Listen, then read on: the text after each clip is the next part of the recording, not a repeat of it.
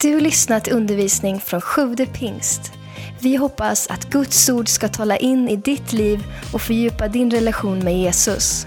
Besök gärna vår hemsida, www.sjuvdepingst.se. Och nu hörni, så vill man ju få skicka med någonting då. Vi har redan nämnt det att vi har ett månadstema, Bättre tillsammans. Vi talar om relationer, vi talar om familj, vi talar om äktenskap. Eh, och naturligtvis vill man ju att det här ska vara någonting som kan hjälpa er nu också. Eh, våra härliga konfirmander, att det här kan hjälpa er. Eh, så att jag skulle vilja prata om just detta. Och förmodligen finns det ingenting som påverkar våra liv så mycket som våra relationer. De vi umgås med. Naturligtvis relationer med Gud, men, Eh, men minst lika mycket skulle jag säga relationer med andra människor. Och det är lite som man säger på engelska, va? att dina relationer, they will make you or break you. Och det är sådär, antingen kanske de kommer hjälpa dig, de kommer styrka dig, de kommer liksom göra dig starkare. Eller så kan det faktiskt också vara så att relationer kan faktiskt förstöra. Det kan bryta ner oss, de kan vara destruktiva. Och vi ska läsa ett bibelord från Ordspråksboken 13 och Eh, vers 20 som handlar just om detta, om vilka vi omger oss med. Vilka människor som vi, som vi eh, liksom har runt omkring oss och hur detta kan påverka oss. Det står så här i Ordspråksboken 13 och 20. Den som umgås med visa blir vis. Men den som är vän med dårar går det illa.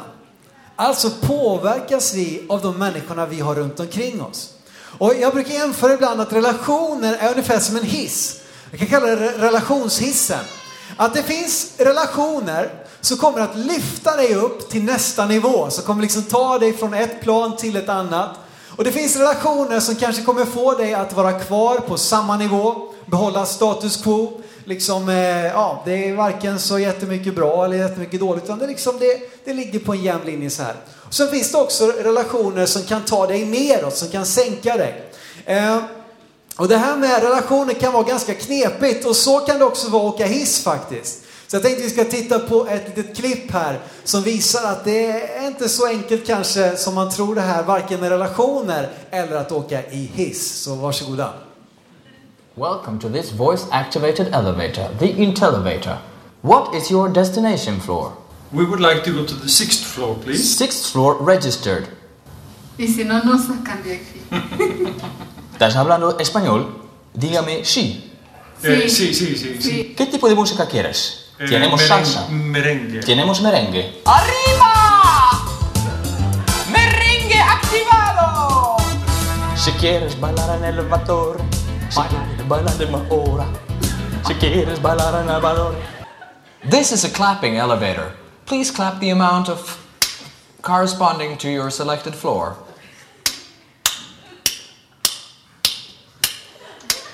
Seventh floor registered. Anyone else?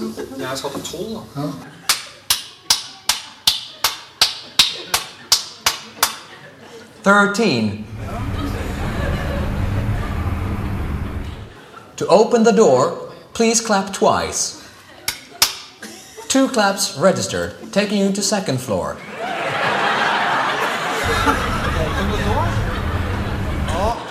Det är inte så lätt som man kan tro det där med att åka hiss alla gånger.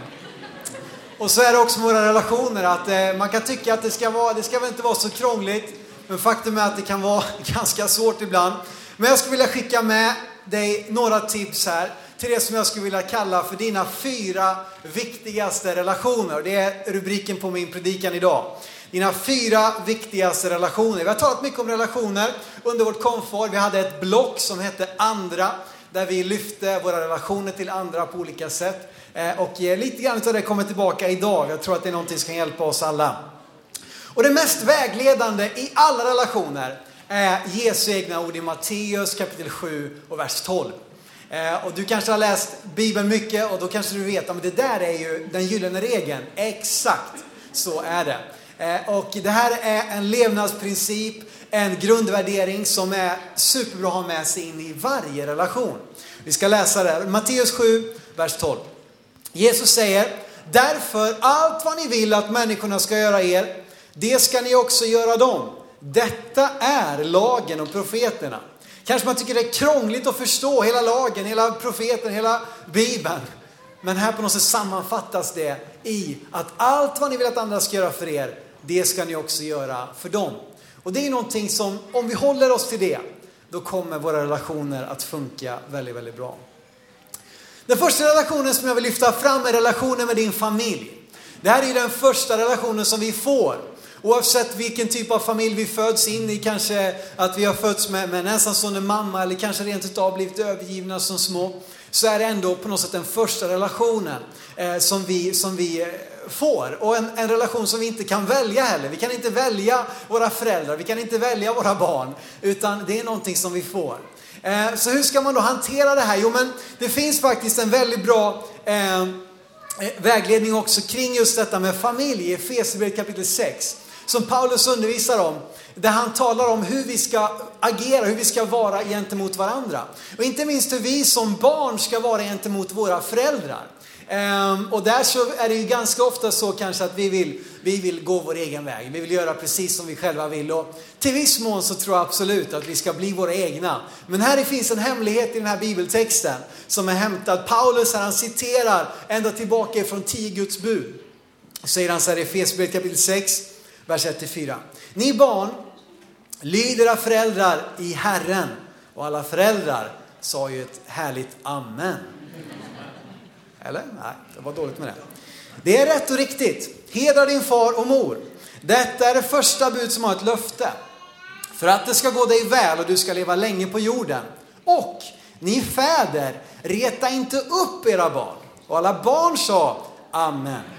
Utan fostra och förmana dem i Herren. Här finns ju den här relationen, det vänds åt båda hållen. Det står lyd era föräldrar och så kommer den viktiga punkten där, i Herren. Kanske det är så att våra föräldrar inte har valt att liksom följa Gud, att gå hans väg. Och om de då vill få oss att göra någonting naturligtvis som går emot Guds ord, så behöver vi kanske stanna till och, och, och inte agera på det sättet. Vi ska lyda dem i Herren, det är rätt och riktigt. Jag vet inte hur det är med dig, men jag tror att vi, de allra flesta, vill leva länge och att det ska gå oss väl. Jag, jag tror att det är liksom, ja men jag vill, det är klart att vi vill att det ska gå oss väl, att vi ska få leva länge. Vi vill inte bara leva länge och att allting går och liksom blir bara sämre och sämre. Vi vill leva länge och vi vill, vi vill att det ska gå oss väl. Och då finns det ett löfte här. Att Gud lovar faktiskt att när vi hedrar våran far och vår mor, så finns det här löftet inbakat i det budet. Och det är det som är så fantastiskt, att all den här vägledningen som Gud ger oss, man kan se det som stränga regler, men man ser också att det alltid är till vårt eget bästa. Att Gud har en tanke med det han säger, att han säger någonting, så här ska du göra, så här ska du inte göra, så är det för vårt bästa, att det ska gå oss väl. Eh, och så är det med detta. Därför ska vi lyda våra föräldrar i Herren och hedra vår far och vår mor. Och det är det vi ska göra, inte minst om två veckor på mors dag. Att vi får tillfälle att hedra alla mammor på ett härligt sätt. Men att vara liksom uppmuntrad, att inte, att inte eh, tala ner sina föräldrar, utan att hedra eh, och också lyda. Eh, och så kommer detta till föräldrarna också, och det vänder ju på det. En relation har alltid två sidor. Det säger reta inte upp era barn. Och det här eh, jag, jag är inte själv förälder, eh, men jag har varit barn under ganska många år. Och jag vet att, att jag har gjort ett och annat för att ibland reta upp mina föräldrar. Men Bibeln uppmuntrar ändå föräldrar att inte reta upp sina barn, utan fostra och förmana dem i Herren. Så i den här familjerelationen så går det åt två håll. Att vi som barn ska hedra våra föräldrar, att vi ska lyda dem i Herren och att fäder inte ska liksom reta upp sina barn utan uppfostra och förmana dem också i Herren. En annan relation då som är väldigt viktig och inte minst så är det ju så att nu när ni, liksom, ni har kommit in i tonåren här, man blir 13, 14, 15 år. Eh, och på något sätt så blir det ett skifte där. Att det inte längre kanske föräldrarna bara som har någonting att säga till om i ens liv. Utan helt plötsligt så kommer det in en helt annan grupp, nämligen vänner. Som, som, som blir den rösten som kommer kanske tala starkast in i våra liv under resten av livet. Här någonstans i tonåren så liksom blir det här förändringen. Eh, och likadant här så är det så viktigt då att tänka på eh, vilka vi omger oss med. För det finns som sagt vänner som kan både hjälpa oss och det finns eh, vänner som kan faktiskt stjälpa oss och som kan bryta ner och bli destruktiva. Och återigen Ordspråksboken, kapitel 18 och vers 24. Det står igen det här, det här dubbla i vänskapen. Det står att vänner kan slita varandra i stycken, men det finns en vän som är mer hängiven än en bror. Så att det finns vänskaper, det finns vänner som är mer hängivna än en bror, som är närmare än en bror. Och så finns det vänner som kan faktiskt slita varandra i stycken och det kanske vi gör eh, titt som tätt. Men att omge oss med vänner som lyfter oss och att värdera våra vänner. Du vet så lång tid det tar att bygga upp ett förtroende, att få någon att lita på en, att få någon att uppskatta en. Och det kan raseras på en sekund. Men att värdera våra vänner, att prioritera dem, att värdesätta dem, tror jag är oerhört viktigt. Och här nu då, så måste vi vaka över var vi står någonstans. Var har jag min umgängeskrets egentligen? Rebecka sa det att det har varit ett sånt gött gäng här i konfan och hon vill fortsätta liksom hänga både med de här kompisarna och också här i kyrkan. Och det är en kanonbra grej att vaka över var sätter jag mina fötter någonstans egentligen? Därför att det kan du kontrollera. Eh, var du har dina fötter, vart du sätter dem. Eh, och om du spenderar all din tid på en plats där du vet att det här är en umgängeskrets som kommer bryta ner mig, då kommer du också att få se att det bär en sån frukt. Men om du placerar dig på en plats där människor kommer tala tro in i dig, där människor kommer tala liv in i dig, där du omger dig med vänner och också att vi är inkluderande. Att, att liksom släppa in andra människor i våra liv. Och här nu kanske man känner som förälder att vara frustrerande. Att man inte längre liksom har riktigt den där samma inverkan på ens barn. Hur ska jag göra nu? Men då skulle jag bara vilja uppmuntra er till att engagera er i de sammanhang där era barn finns. Naturligtvis finns det många som, så det kan handla om idrottsklubbar kanske, där man kan ha möjlighet att vara med och påverka så att, eh, så att en, ens barns umgängeskretsar blir liksom platser där, där det är en god miljö. Men också i kyrkan, att finnas med. Och du kan också låta ditt hem vara en plats där dina, dina barn känner att här får de ta med sina kompisar. Här får de komma, de får komma många, de får komma få, de får äta med oss i familjen. Och på det sättet kan du, även om det nu är vännerna som så att säga kanske talar mest in i deras liv, så om du liksom då omfamnar det och öppnar upp ditt liv och ditt hem för det, så kan du fortsätta få ha en påverkan och, och vaka över att, att din, dina barns umgängeskrets blir någonting positivt, någonting gott. Jag skulle vilja tala lite mer också om nästa saker, för det kommer ju en ny relation. Vi börjar med familjen, som sagt en relation vi inte kan välja. Vi föds in i en familj och, och, och så vidare. Eh, och sen kommer vänner där vi kanske lite mer kan faktiskt välja genom att påverka vart vi ställer våra fötter, vart vi är någonstans. Men så kommer vi in till en, en ännu liksom kanske viktigare och större relation, nämligen din partner. Och det här ska jag väl ägna lite mer tid till faktiskt just idag. Eh, därför att det var som någon sa på vår hemgrupp här i, i onsdags, att det, var, det kom liksom lite nyheter där eh, om något som hade hänt mellan eh, två personer. Och så var det en som var snabb och sa, ja det är inte bara väder som hettar till. Sa han. Eh, och så är det. Eh, och så är det också här nu i den här predikan, att det inte, nu är inte vädret så hett i och för sig, men eh, ja, hur som helst. Din partner, att få en livspartner. Och eh, nu så känner ju du, kanske särskilt då som har en konfirmand där, prata nu inte om det här nu. Liksom. Vänta 10, 20, 30 år någonstans innan vi börjar prata om det här. Ja, men kanske att det är viktigt redan nu att faktiskt prata om en livspartner. Att hur ska vi förhålla oss? Hur ska vi tänka? Hur ska vi agera? Finns det några riktlinjer? Eh, om man är uppvuxen i en kyrka eller liksom har någon koll, då, då har man säkert hört en massa saker. Att Nej, men du ska nog vänta med det här och det, man, många gifter sig och liksom det här med sex, hur funkar det och, och, och så vidare. Men vi pratar inte så jättemycket om det. Vad vi tycker egentligen, vad, vad, vi, vad vi menar egentligen. Men jag skulle vilja nämna tre stycken grejer för dig som jag tror kan hjälpa dig i relationer med en livspartner. Och om du då får med dig det här redan innan du går in i relation så kan ju det vara vägledande och hjälpa dig den dagen som det blir dags för det. För det första ska vi läsa i första Mosebok kapitel 2 och vers 18 och så ska vi läsa fram till vers 25. Vi ska hoppa över några verser i mitten här. Vi ska läsa från vers 18. Och här nu så, Sven har redan varit inne på det och sagt att, att det Gud gav till, till människan, det var egentligen en ny människa. Så det är den största gåvan, att få dela livet tillsammans med någon. Första Mosebok kapitel 2, vers 18 så, så läser vi därifrån. Det står så här. Herren Gud sa, det är inte bra för mannen att vara ensam. Jag ska göra en medhjälpare åt honom, en som är hans like. Så står det om hur Gud skapade kvinnan. Och så kommer vi fram till vers 24. Därför ska en man lämna sin far och sin mor och hålla sig till sin hustru och de ska bli ett kött. Och mannen och hans hustru var båda nakna utan att blygas för varandra. Och det jag vill visa för er är att du är skapad till gemenskap. Det finns nedlagt i själva skapelsen att vi ska ha gemenskap med varandra. Naturligtvis med vänner, med familj, men också i det som beskrivs här. Gemenskap mellan man och kvinna, eh, där man får dela sitt liv tillsammans. Och det här behovet finns nedlagt i skapelsen. Jag tycker det är fantastiskt att det är det här stycket vi refererar till när vi sen pratar om äktenskap. Som både Jesus och Paulus plockar upp och nämner när de ska prata om äktenskapet eh, och relationer, livslånga relationer mellan man och kvinna.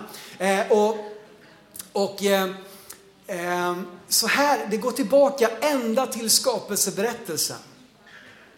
Och det är ganska intressant att se att innan någonting annat liksom instituerades, innan lagen kom, innan förbundet kom, innan kyrkan kom eller något annat, så grundade Gud eh, familjen. Det är fantastiskt, äktenskapet finns nedlagt i själva skapelsen. Det är ett grundfundament för, för hela världen faktiskt. För att samhället ska fungera. Familjen är viktig. Familjen är någonting vi behöver stå upp för. Och det är därför vi har den här månaden. Tre enkla saker här som, som är Guds tanke i detta. Det står att mannen ska lämna sin, sin far och sin mor, ska hålla sig till sin hustru och de två ska bli ett kött. Här finns en tågordning, Guds tanke.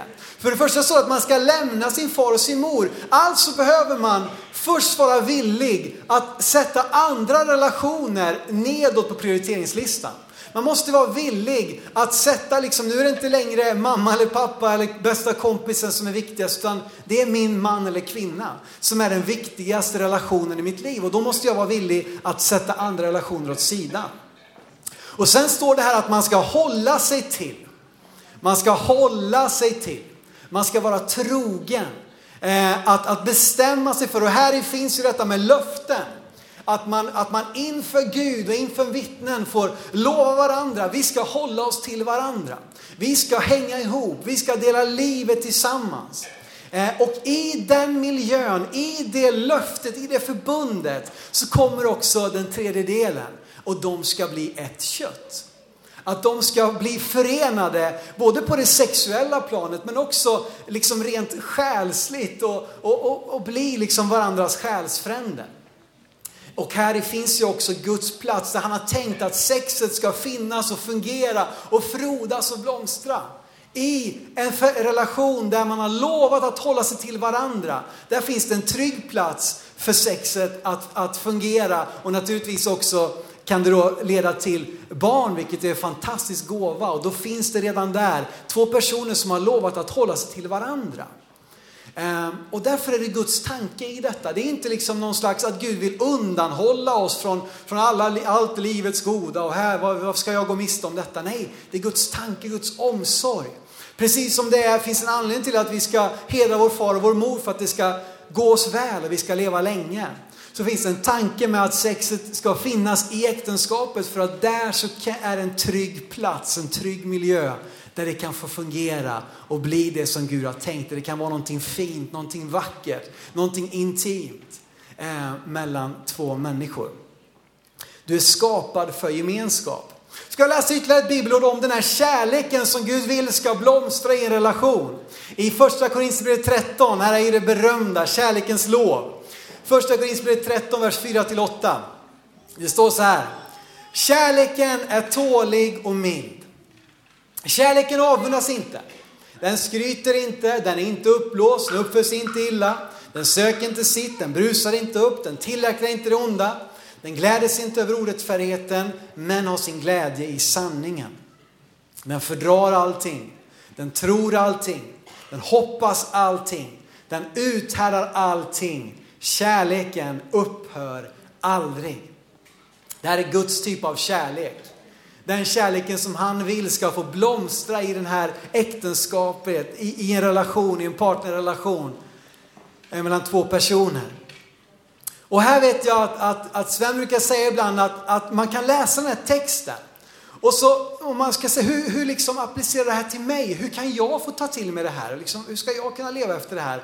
Jo men testa att läsa den här texten och byta ut kärleken mot ditt namn. Det är ganska intressant. Om du bara testar det och läser den, du kan gärna göra det i, liksom, tyst för dig själv. Och skulle låta så här att Simon, han är tålig och mild. Simon avundas inte, Simon skryter inte, Simon är inte uppblåst, Simon uppför sig inte illa, Simon söker inte sitt, Simon brusar inte upp, Simon tillägnar inte det onda. Simon fördrar allting, Simon tror allting, Simon hoppas allting, Simon uthärdar allting. Simon upphör aldrig, det är kanske därför, därför vi går tillbaka till kärleken, för att jag kommer upphöra en, en vacker dag. Det är ganska nyttigt att göra det och bara stanna upp lite grann och man inser att wow, jag faller på punkt efter punkt efter punkt. Men i det här så finns någonting jag vill visa på. Kärleken vill ge. Och det finns en kontrast mellan kärlek och lusta. Kärleken och lustan. Lust är någonting gott. Lusta skulle jag vilja skilja på som någonting negativt. Lustan vill ta. Kärleken vill ge. Och vi lever i en sexualiserad värld. Jag menar alla, eh, jag, kan inte säga alla, men 99 procent utsätts tidigt, tidig ålder för porr, för sex på TV. Och man utsätts för den här pressen tidig ålder. Och man lär sig att, att det här är någonting som jag bara ska ta.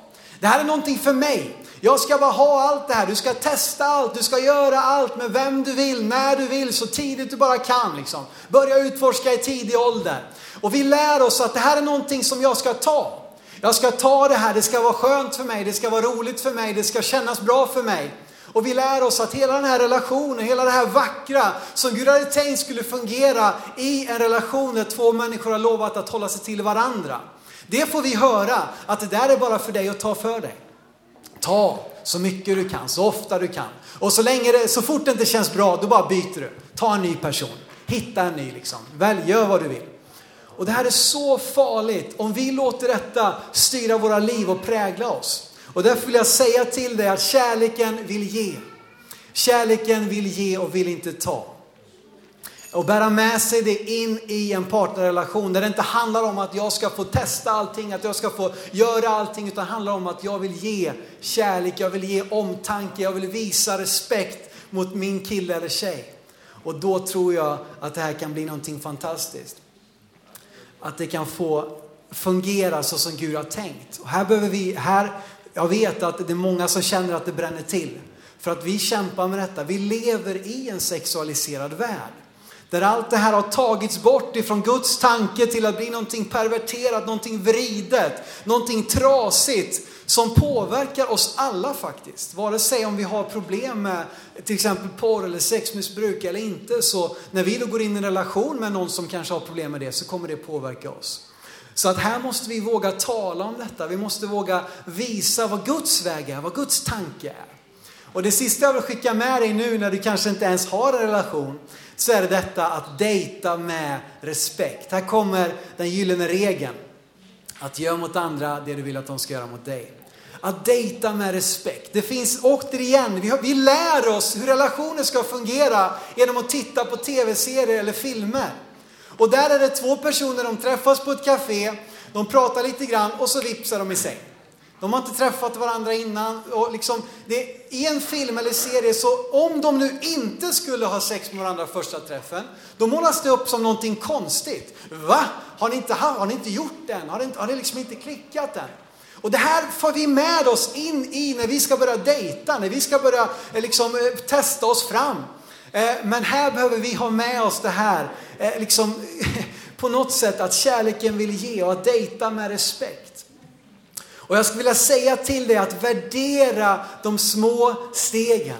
Jag kommer ihåg någon gång i januari 2005 när jag första gången höll Caroline i handen. Alltså, vi satt och kollade på handbolls-EM tror jag. Och så där när vi satt bredvid varandra i soffan så, rätt vad det var, så höll vi varandra i handen. Och jag kommer ihåg den där känslan, vet du, det där pirret. Det bara fyllde, det liksom, jag börjar rysa nu alltså. Det var någonting speciellt. Och sen så när vi då fick eh, liksom, eh, ta, ta nya steg och, och, liksom, och krama om varandra för första gången. Wow, vilken grej! De värderar de små stegen. Jag kommer ihåg att jag kom till, till nian, pratade med en kompis som hade haft en, en tjej under en längre tid. Han sa, vi låg med varandra första kvällen. Vi var nog lite berusade båda två. Vi, vi låg, och han sa, jag ångrar det så djupt. Därför att vi har aldrig fått upptäcka det här. Vi, vi hade ju allt direkt liksom. Det fanns ju ingenting mer att upptäcka. Du vet de här små stegen, de kommer aldrig tillbaka.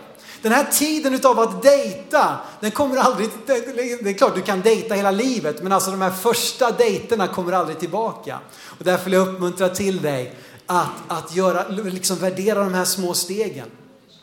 Och inte minst då att vänta med sex till äktenskapet, där det finns en trygg miljö, där det finns en plats där det kan fungera så som Gud har tänkt. Ehm, och då kan man tycka, men varför ska jag vänta? Jag vill ju nu! Och det är det hela samhället lär oss. Jo men om du tänker att du kanske har tre, fyra, fem år, vad vet jag, utav ett förhållande innan du gifter dig. Eller du kanske har kortare tid, kanske har längre tid. Då kommer du förmodligen ha kanske 40, 50, 60 år kvar. Där du kan liksom, ja, roa dig bäst du vill. Och uppleva allt fantastiska som Gud har tänkt för ett äktenskap. Men de där första åren, där det fortfarande var spännande, liksom, eller det fortfarande var, fanns det här vackra, det fina, det kommer aldrig igen. Så jag vill uppmuntra dig till att värdera de små stegen. De är fantastiska och i det finns det en, en förväntan, en längtan. Det byggs upp, det blir någonting vackert, någonting att se fram emot. Där, där relationen får ta nästa och nästa steg. Och när man är redo att lova varandra äkta trohet, då finns det också en plats där vi kan få bli ett kött. Och dela, inte bara det intima, utan också dela varandras drömmar, dela varandras innersta tankar. Om det är någon som kände liksom att ska du prata mycket längre, då måste jag ut liksom och, få, få ta lite frisk luft där, för nu liksom, det blir lite väl mycket här, så, så kan du känna dig lugn. Jag är färdig nu med den här punkten om din partner. Men jag vill skicka med detta. Eh, och inte minst till er konfirmander som, som kommer så småningom att, att börja hitta en relation. Och jag skulle prata om en relation som är den viktigaste av alla. Nämligen relationen med Jesus. Och det kanske du redan har listat ut att den skulle komma på slutet och då liksom guldstjärna till dig. Men det här finns en relation som vida överträffar alla andra. För jag vet när jag pratar om relationer med familjen, då vet jag att du sitter här som känner att det har, det har, det har, alltså min familj är trasig. Min familjerelation är helt i krasch. Du känner att du har svikit kanske både din fru, din man, dina barn, dina föräldrar. När jag pratar om vänner så finns det här som säger att jag har ingen som, som, som jag kallar en, en nära vän. Jag har ingen sån där vän som är närmre än en broder. Eller du kanske just nu sitter och tänker på relationer som har kraschat. Och inte minst när jag pratar om, om relationer med din partner så vet jag att du blossar upp sår. Så vet jag att du sitter och känner att du har misslyckats. Så sitter där och känner att du har fått ditt hjärta krossat. Men oavsett hur mest up, alltså hur röriga dina relationer är, så finns det en relation som kan ställa allting till rätta. Och det är relationen med Jesus Kristus. Jesus söker dig. Han längtar efter att bli din vän. Det finns en berättelse om Jesus och Sackeus. Sackeus han var en tullindrivare, han var avskydd av de flesta. Han roffade åt sig pengar som han inte skulle ha. Han bodde i staden Jeriko. Jesus kom dit, människor samlades i skaror. Han går fram, får tränga sig fram mellan människorna. En bit bort uppe i ett träd, i ett mullbärsfikonträd, så sitter Sackeus som var kort i växten. Han var nämligen nyfiken på Jesus men vågade inte gå hela vägen fram för att de andra människorna skulle förmodligen trycka honom åt sidan och säga Sackeus, du hör inte hemma här. Det är ingen som vill att du ska vara här. Så han klättrar upp i det här trädet en bit bort. Och när Jesus går där längs vägen så stannar han till. Och människorna vet, vad, vad ska han göra nu? Vad ska han säga? Och det han säger, det är han säger Sackeus! Och Sackeus håller på att trilla ut ur trädet. Liksom. Vad händer? Vad, sa han mitt namn? Och han ger väl någon slags respons. Ja, det, ja, jag, jag är här. Sackeus, idag ska jag äta mat hemma hos dig. Amen. Det där är något jag tar med mig. Att bjuda in sig. Vet du. Nej, men Jesus han var bra på det där. Han säger, idag ska jag äta måltid hemma med dig. Och han kommer hem till Sackeus, de äter, vi vet inte vad de säger. Men det leder till att Sackeus vänder om, att han gör bättring, att han ger tillbaka det han har stulit. Och så står det så här i Lukas 19, vers 9-10. Jesus sa till honom, idag har frälsning kommit till denna familj. Eftersom också han är en Abrahams son. Till människosonen, alltså Jesus själv, har kommit för att uppsöka och frälsa det som var förlorat.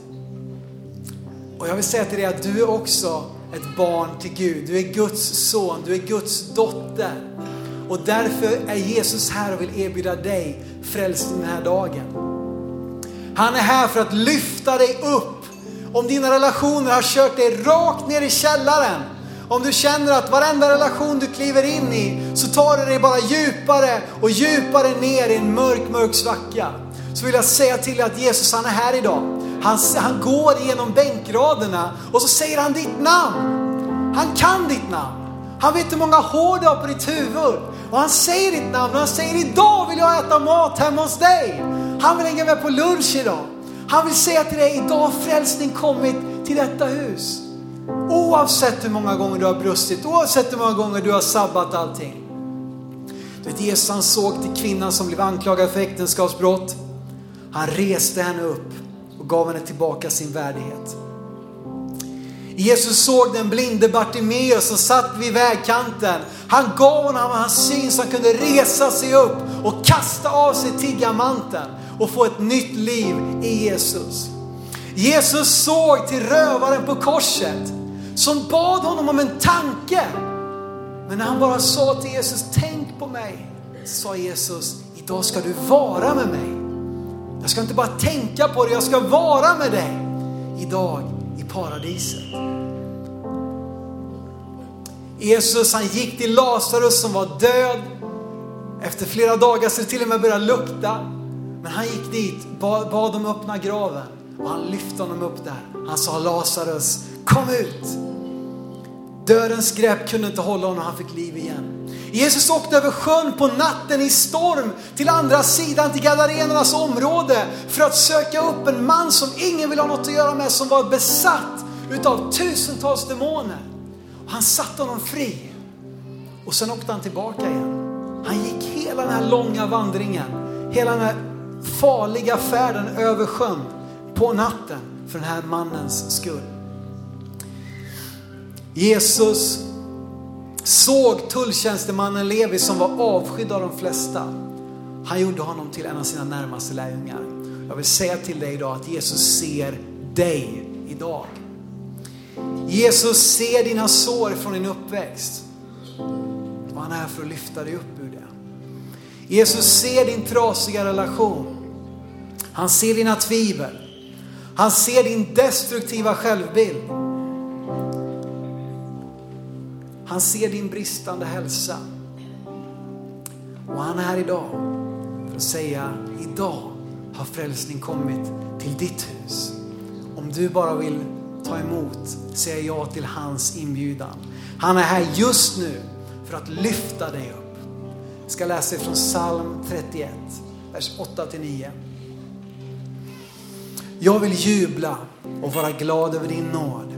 Ty du ser till mitt lidande, du tar vård om min själ i nöden och överlämnar mig inte i fiendens hand. Du ställer mina fötter på rymlig plats.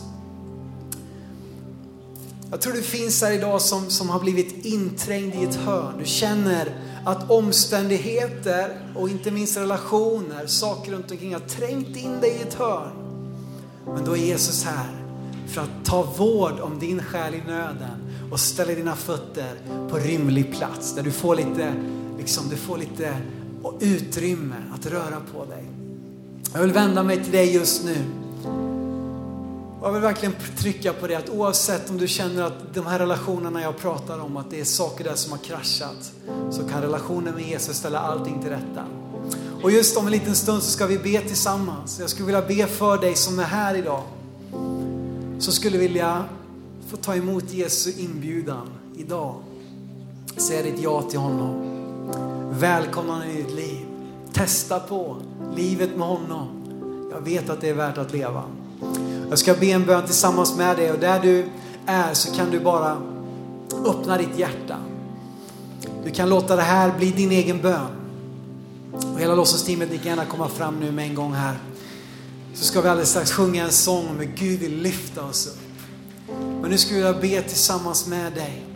Vi behåller den här atmosfären här inne som på något sätt tror jag bara är mättad av Guds närvaro. Han är här idag och vill, vill möta med dig. Och nu när jag ber den här bönen så kan du göra den till din egen. Du kan välkomna Jesus in i ditt liv. Du kan tala till honom om dina trasiga relationer och ta emot hans nåd och förlåtelse. Himmelske Fader, jag tackar dig att du gav din egen son, Jesus Kristus. Jag tackar dig att du är här idag för att ge frihet. Du är här idag för att ge frälsning. Du har kommit för att uppsöka och rädda det som har gått förlorat. Och du är här idag för att resa oss upp ifrån det som tynger oss ner. Så jag ber för oss var och en just nu Herre, som, som bär på någonting, sår, som bär på trasiga relationer, som bär på en bruten självbild. Jag tackar dig Gud för att du just nu kommer in i varje människas hjärta, in i varje människas liv som öppnar sig för dig och säger sitt ja till dig. Du välkomnar varje enda en av dem in i din familj. I Jesu namn. Amen. Tack för att du lyssnat. Glöm inte att du alltid är välkommen till vår kyrka. Du hittar mer info på www.sjuvdepingst.se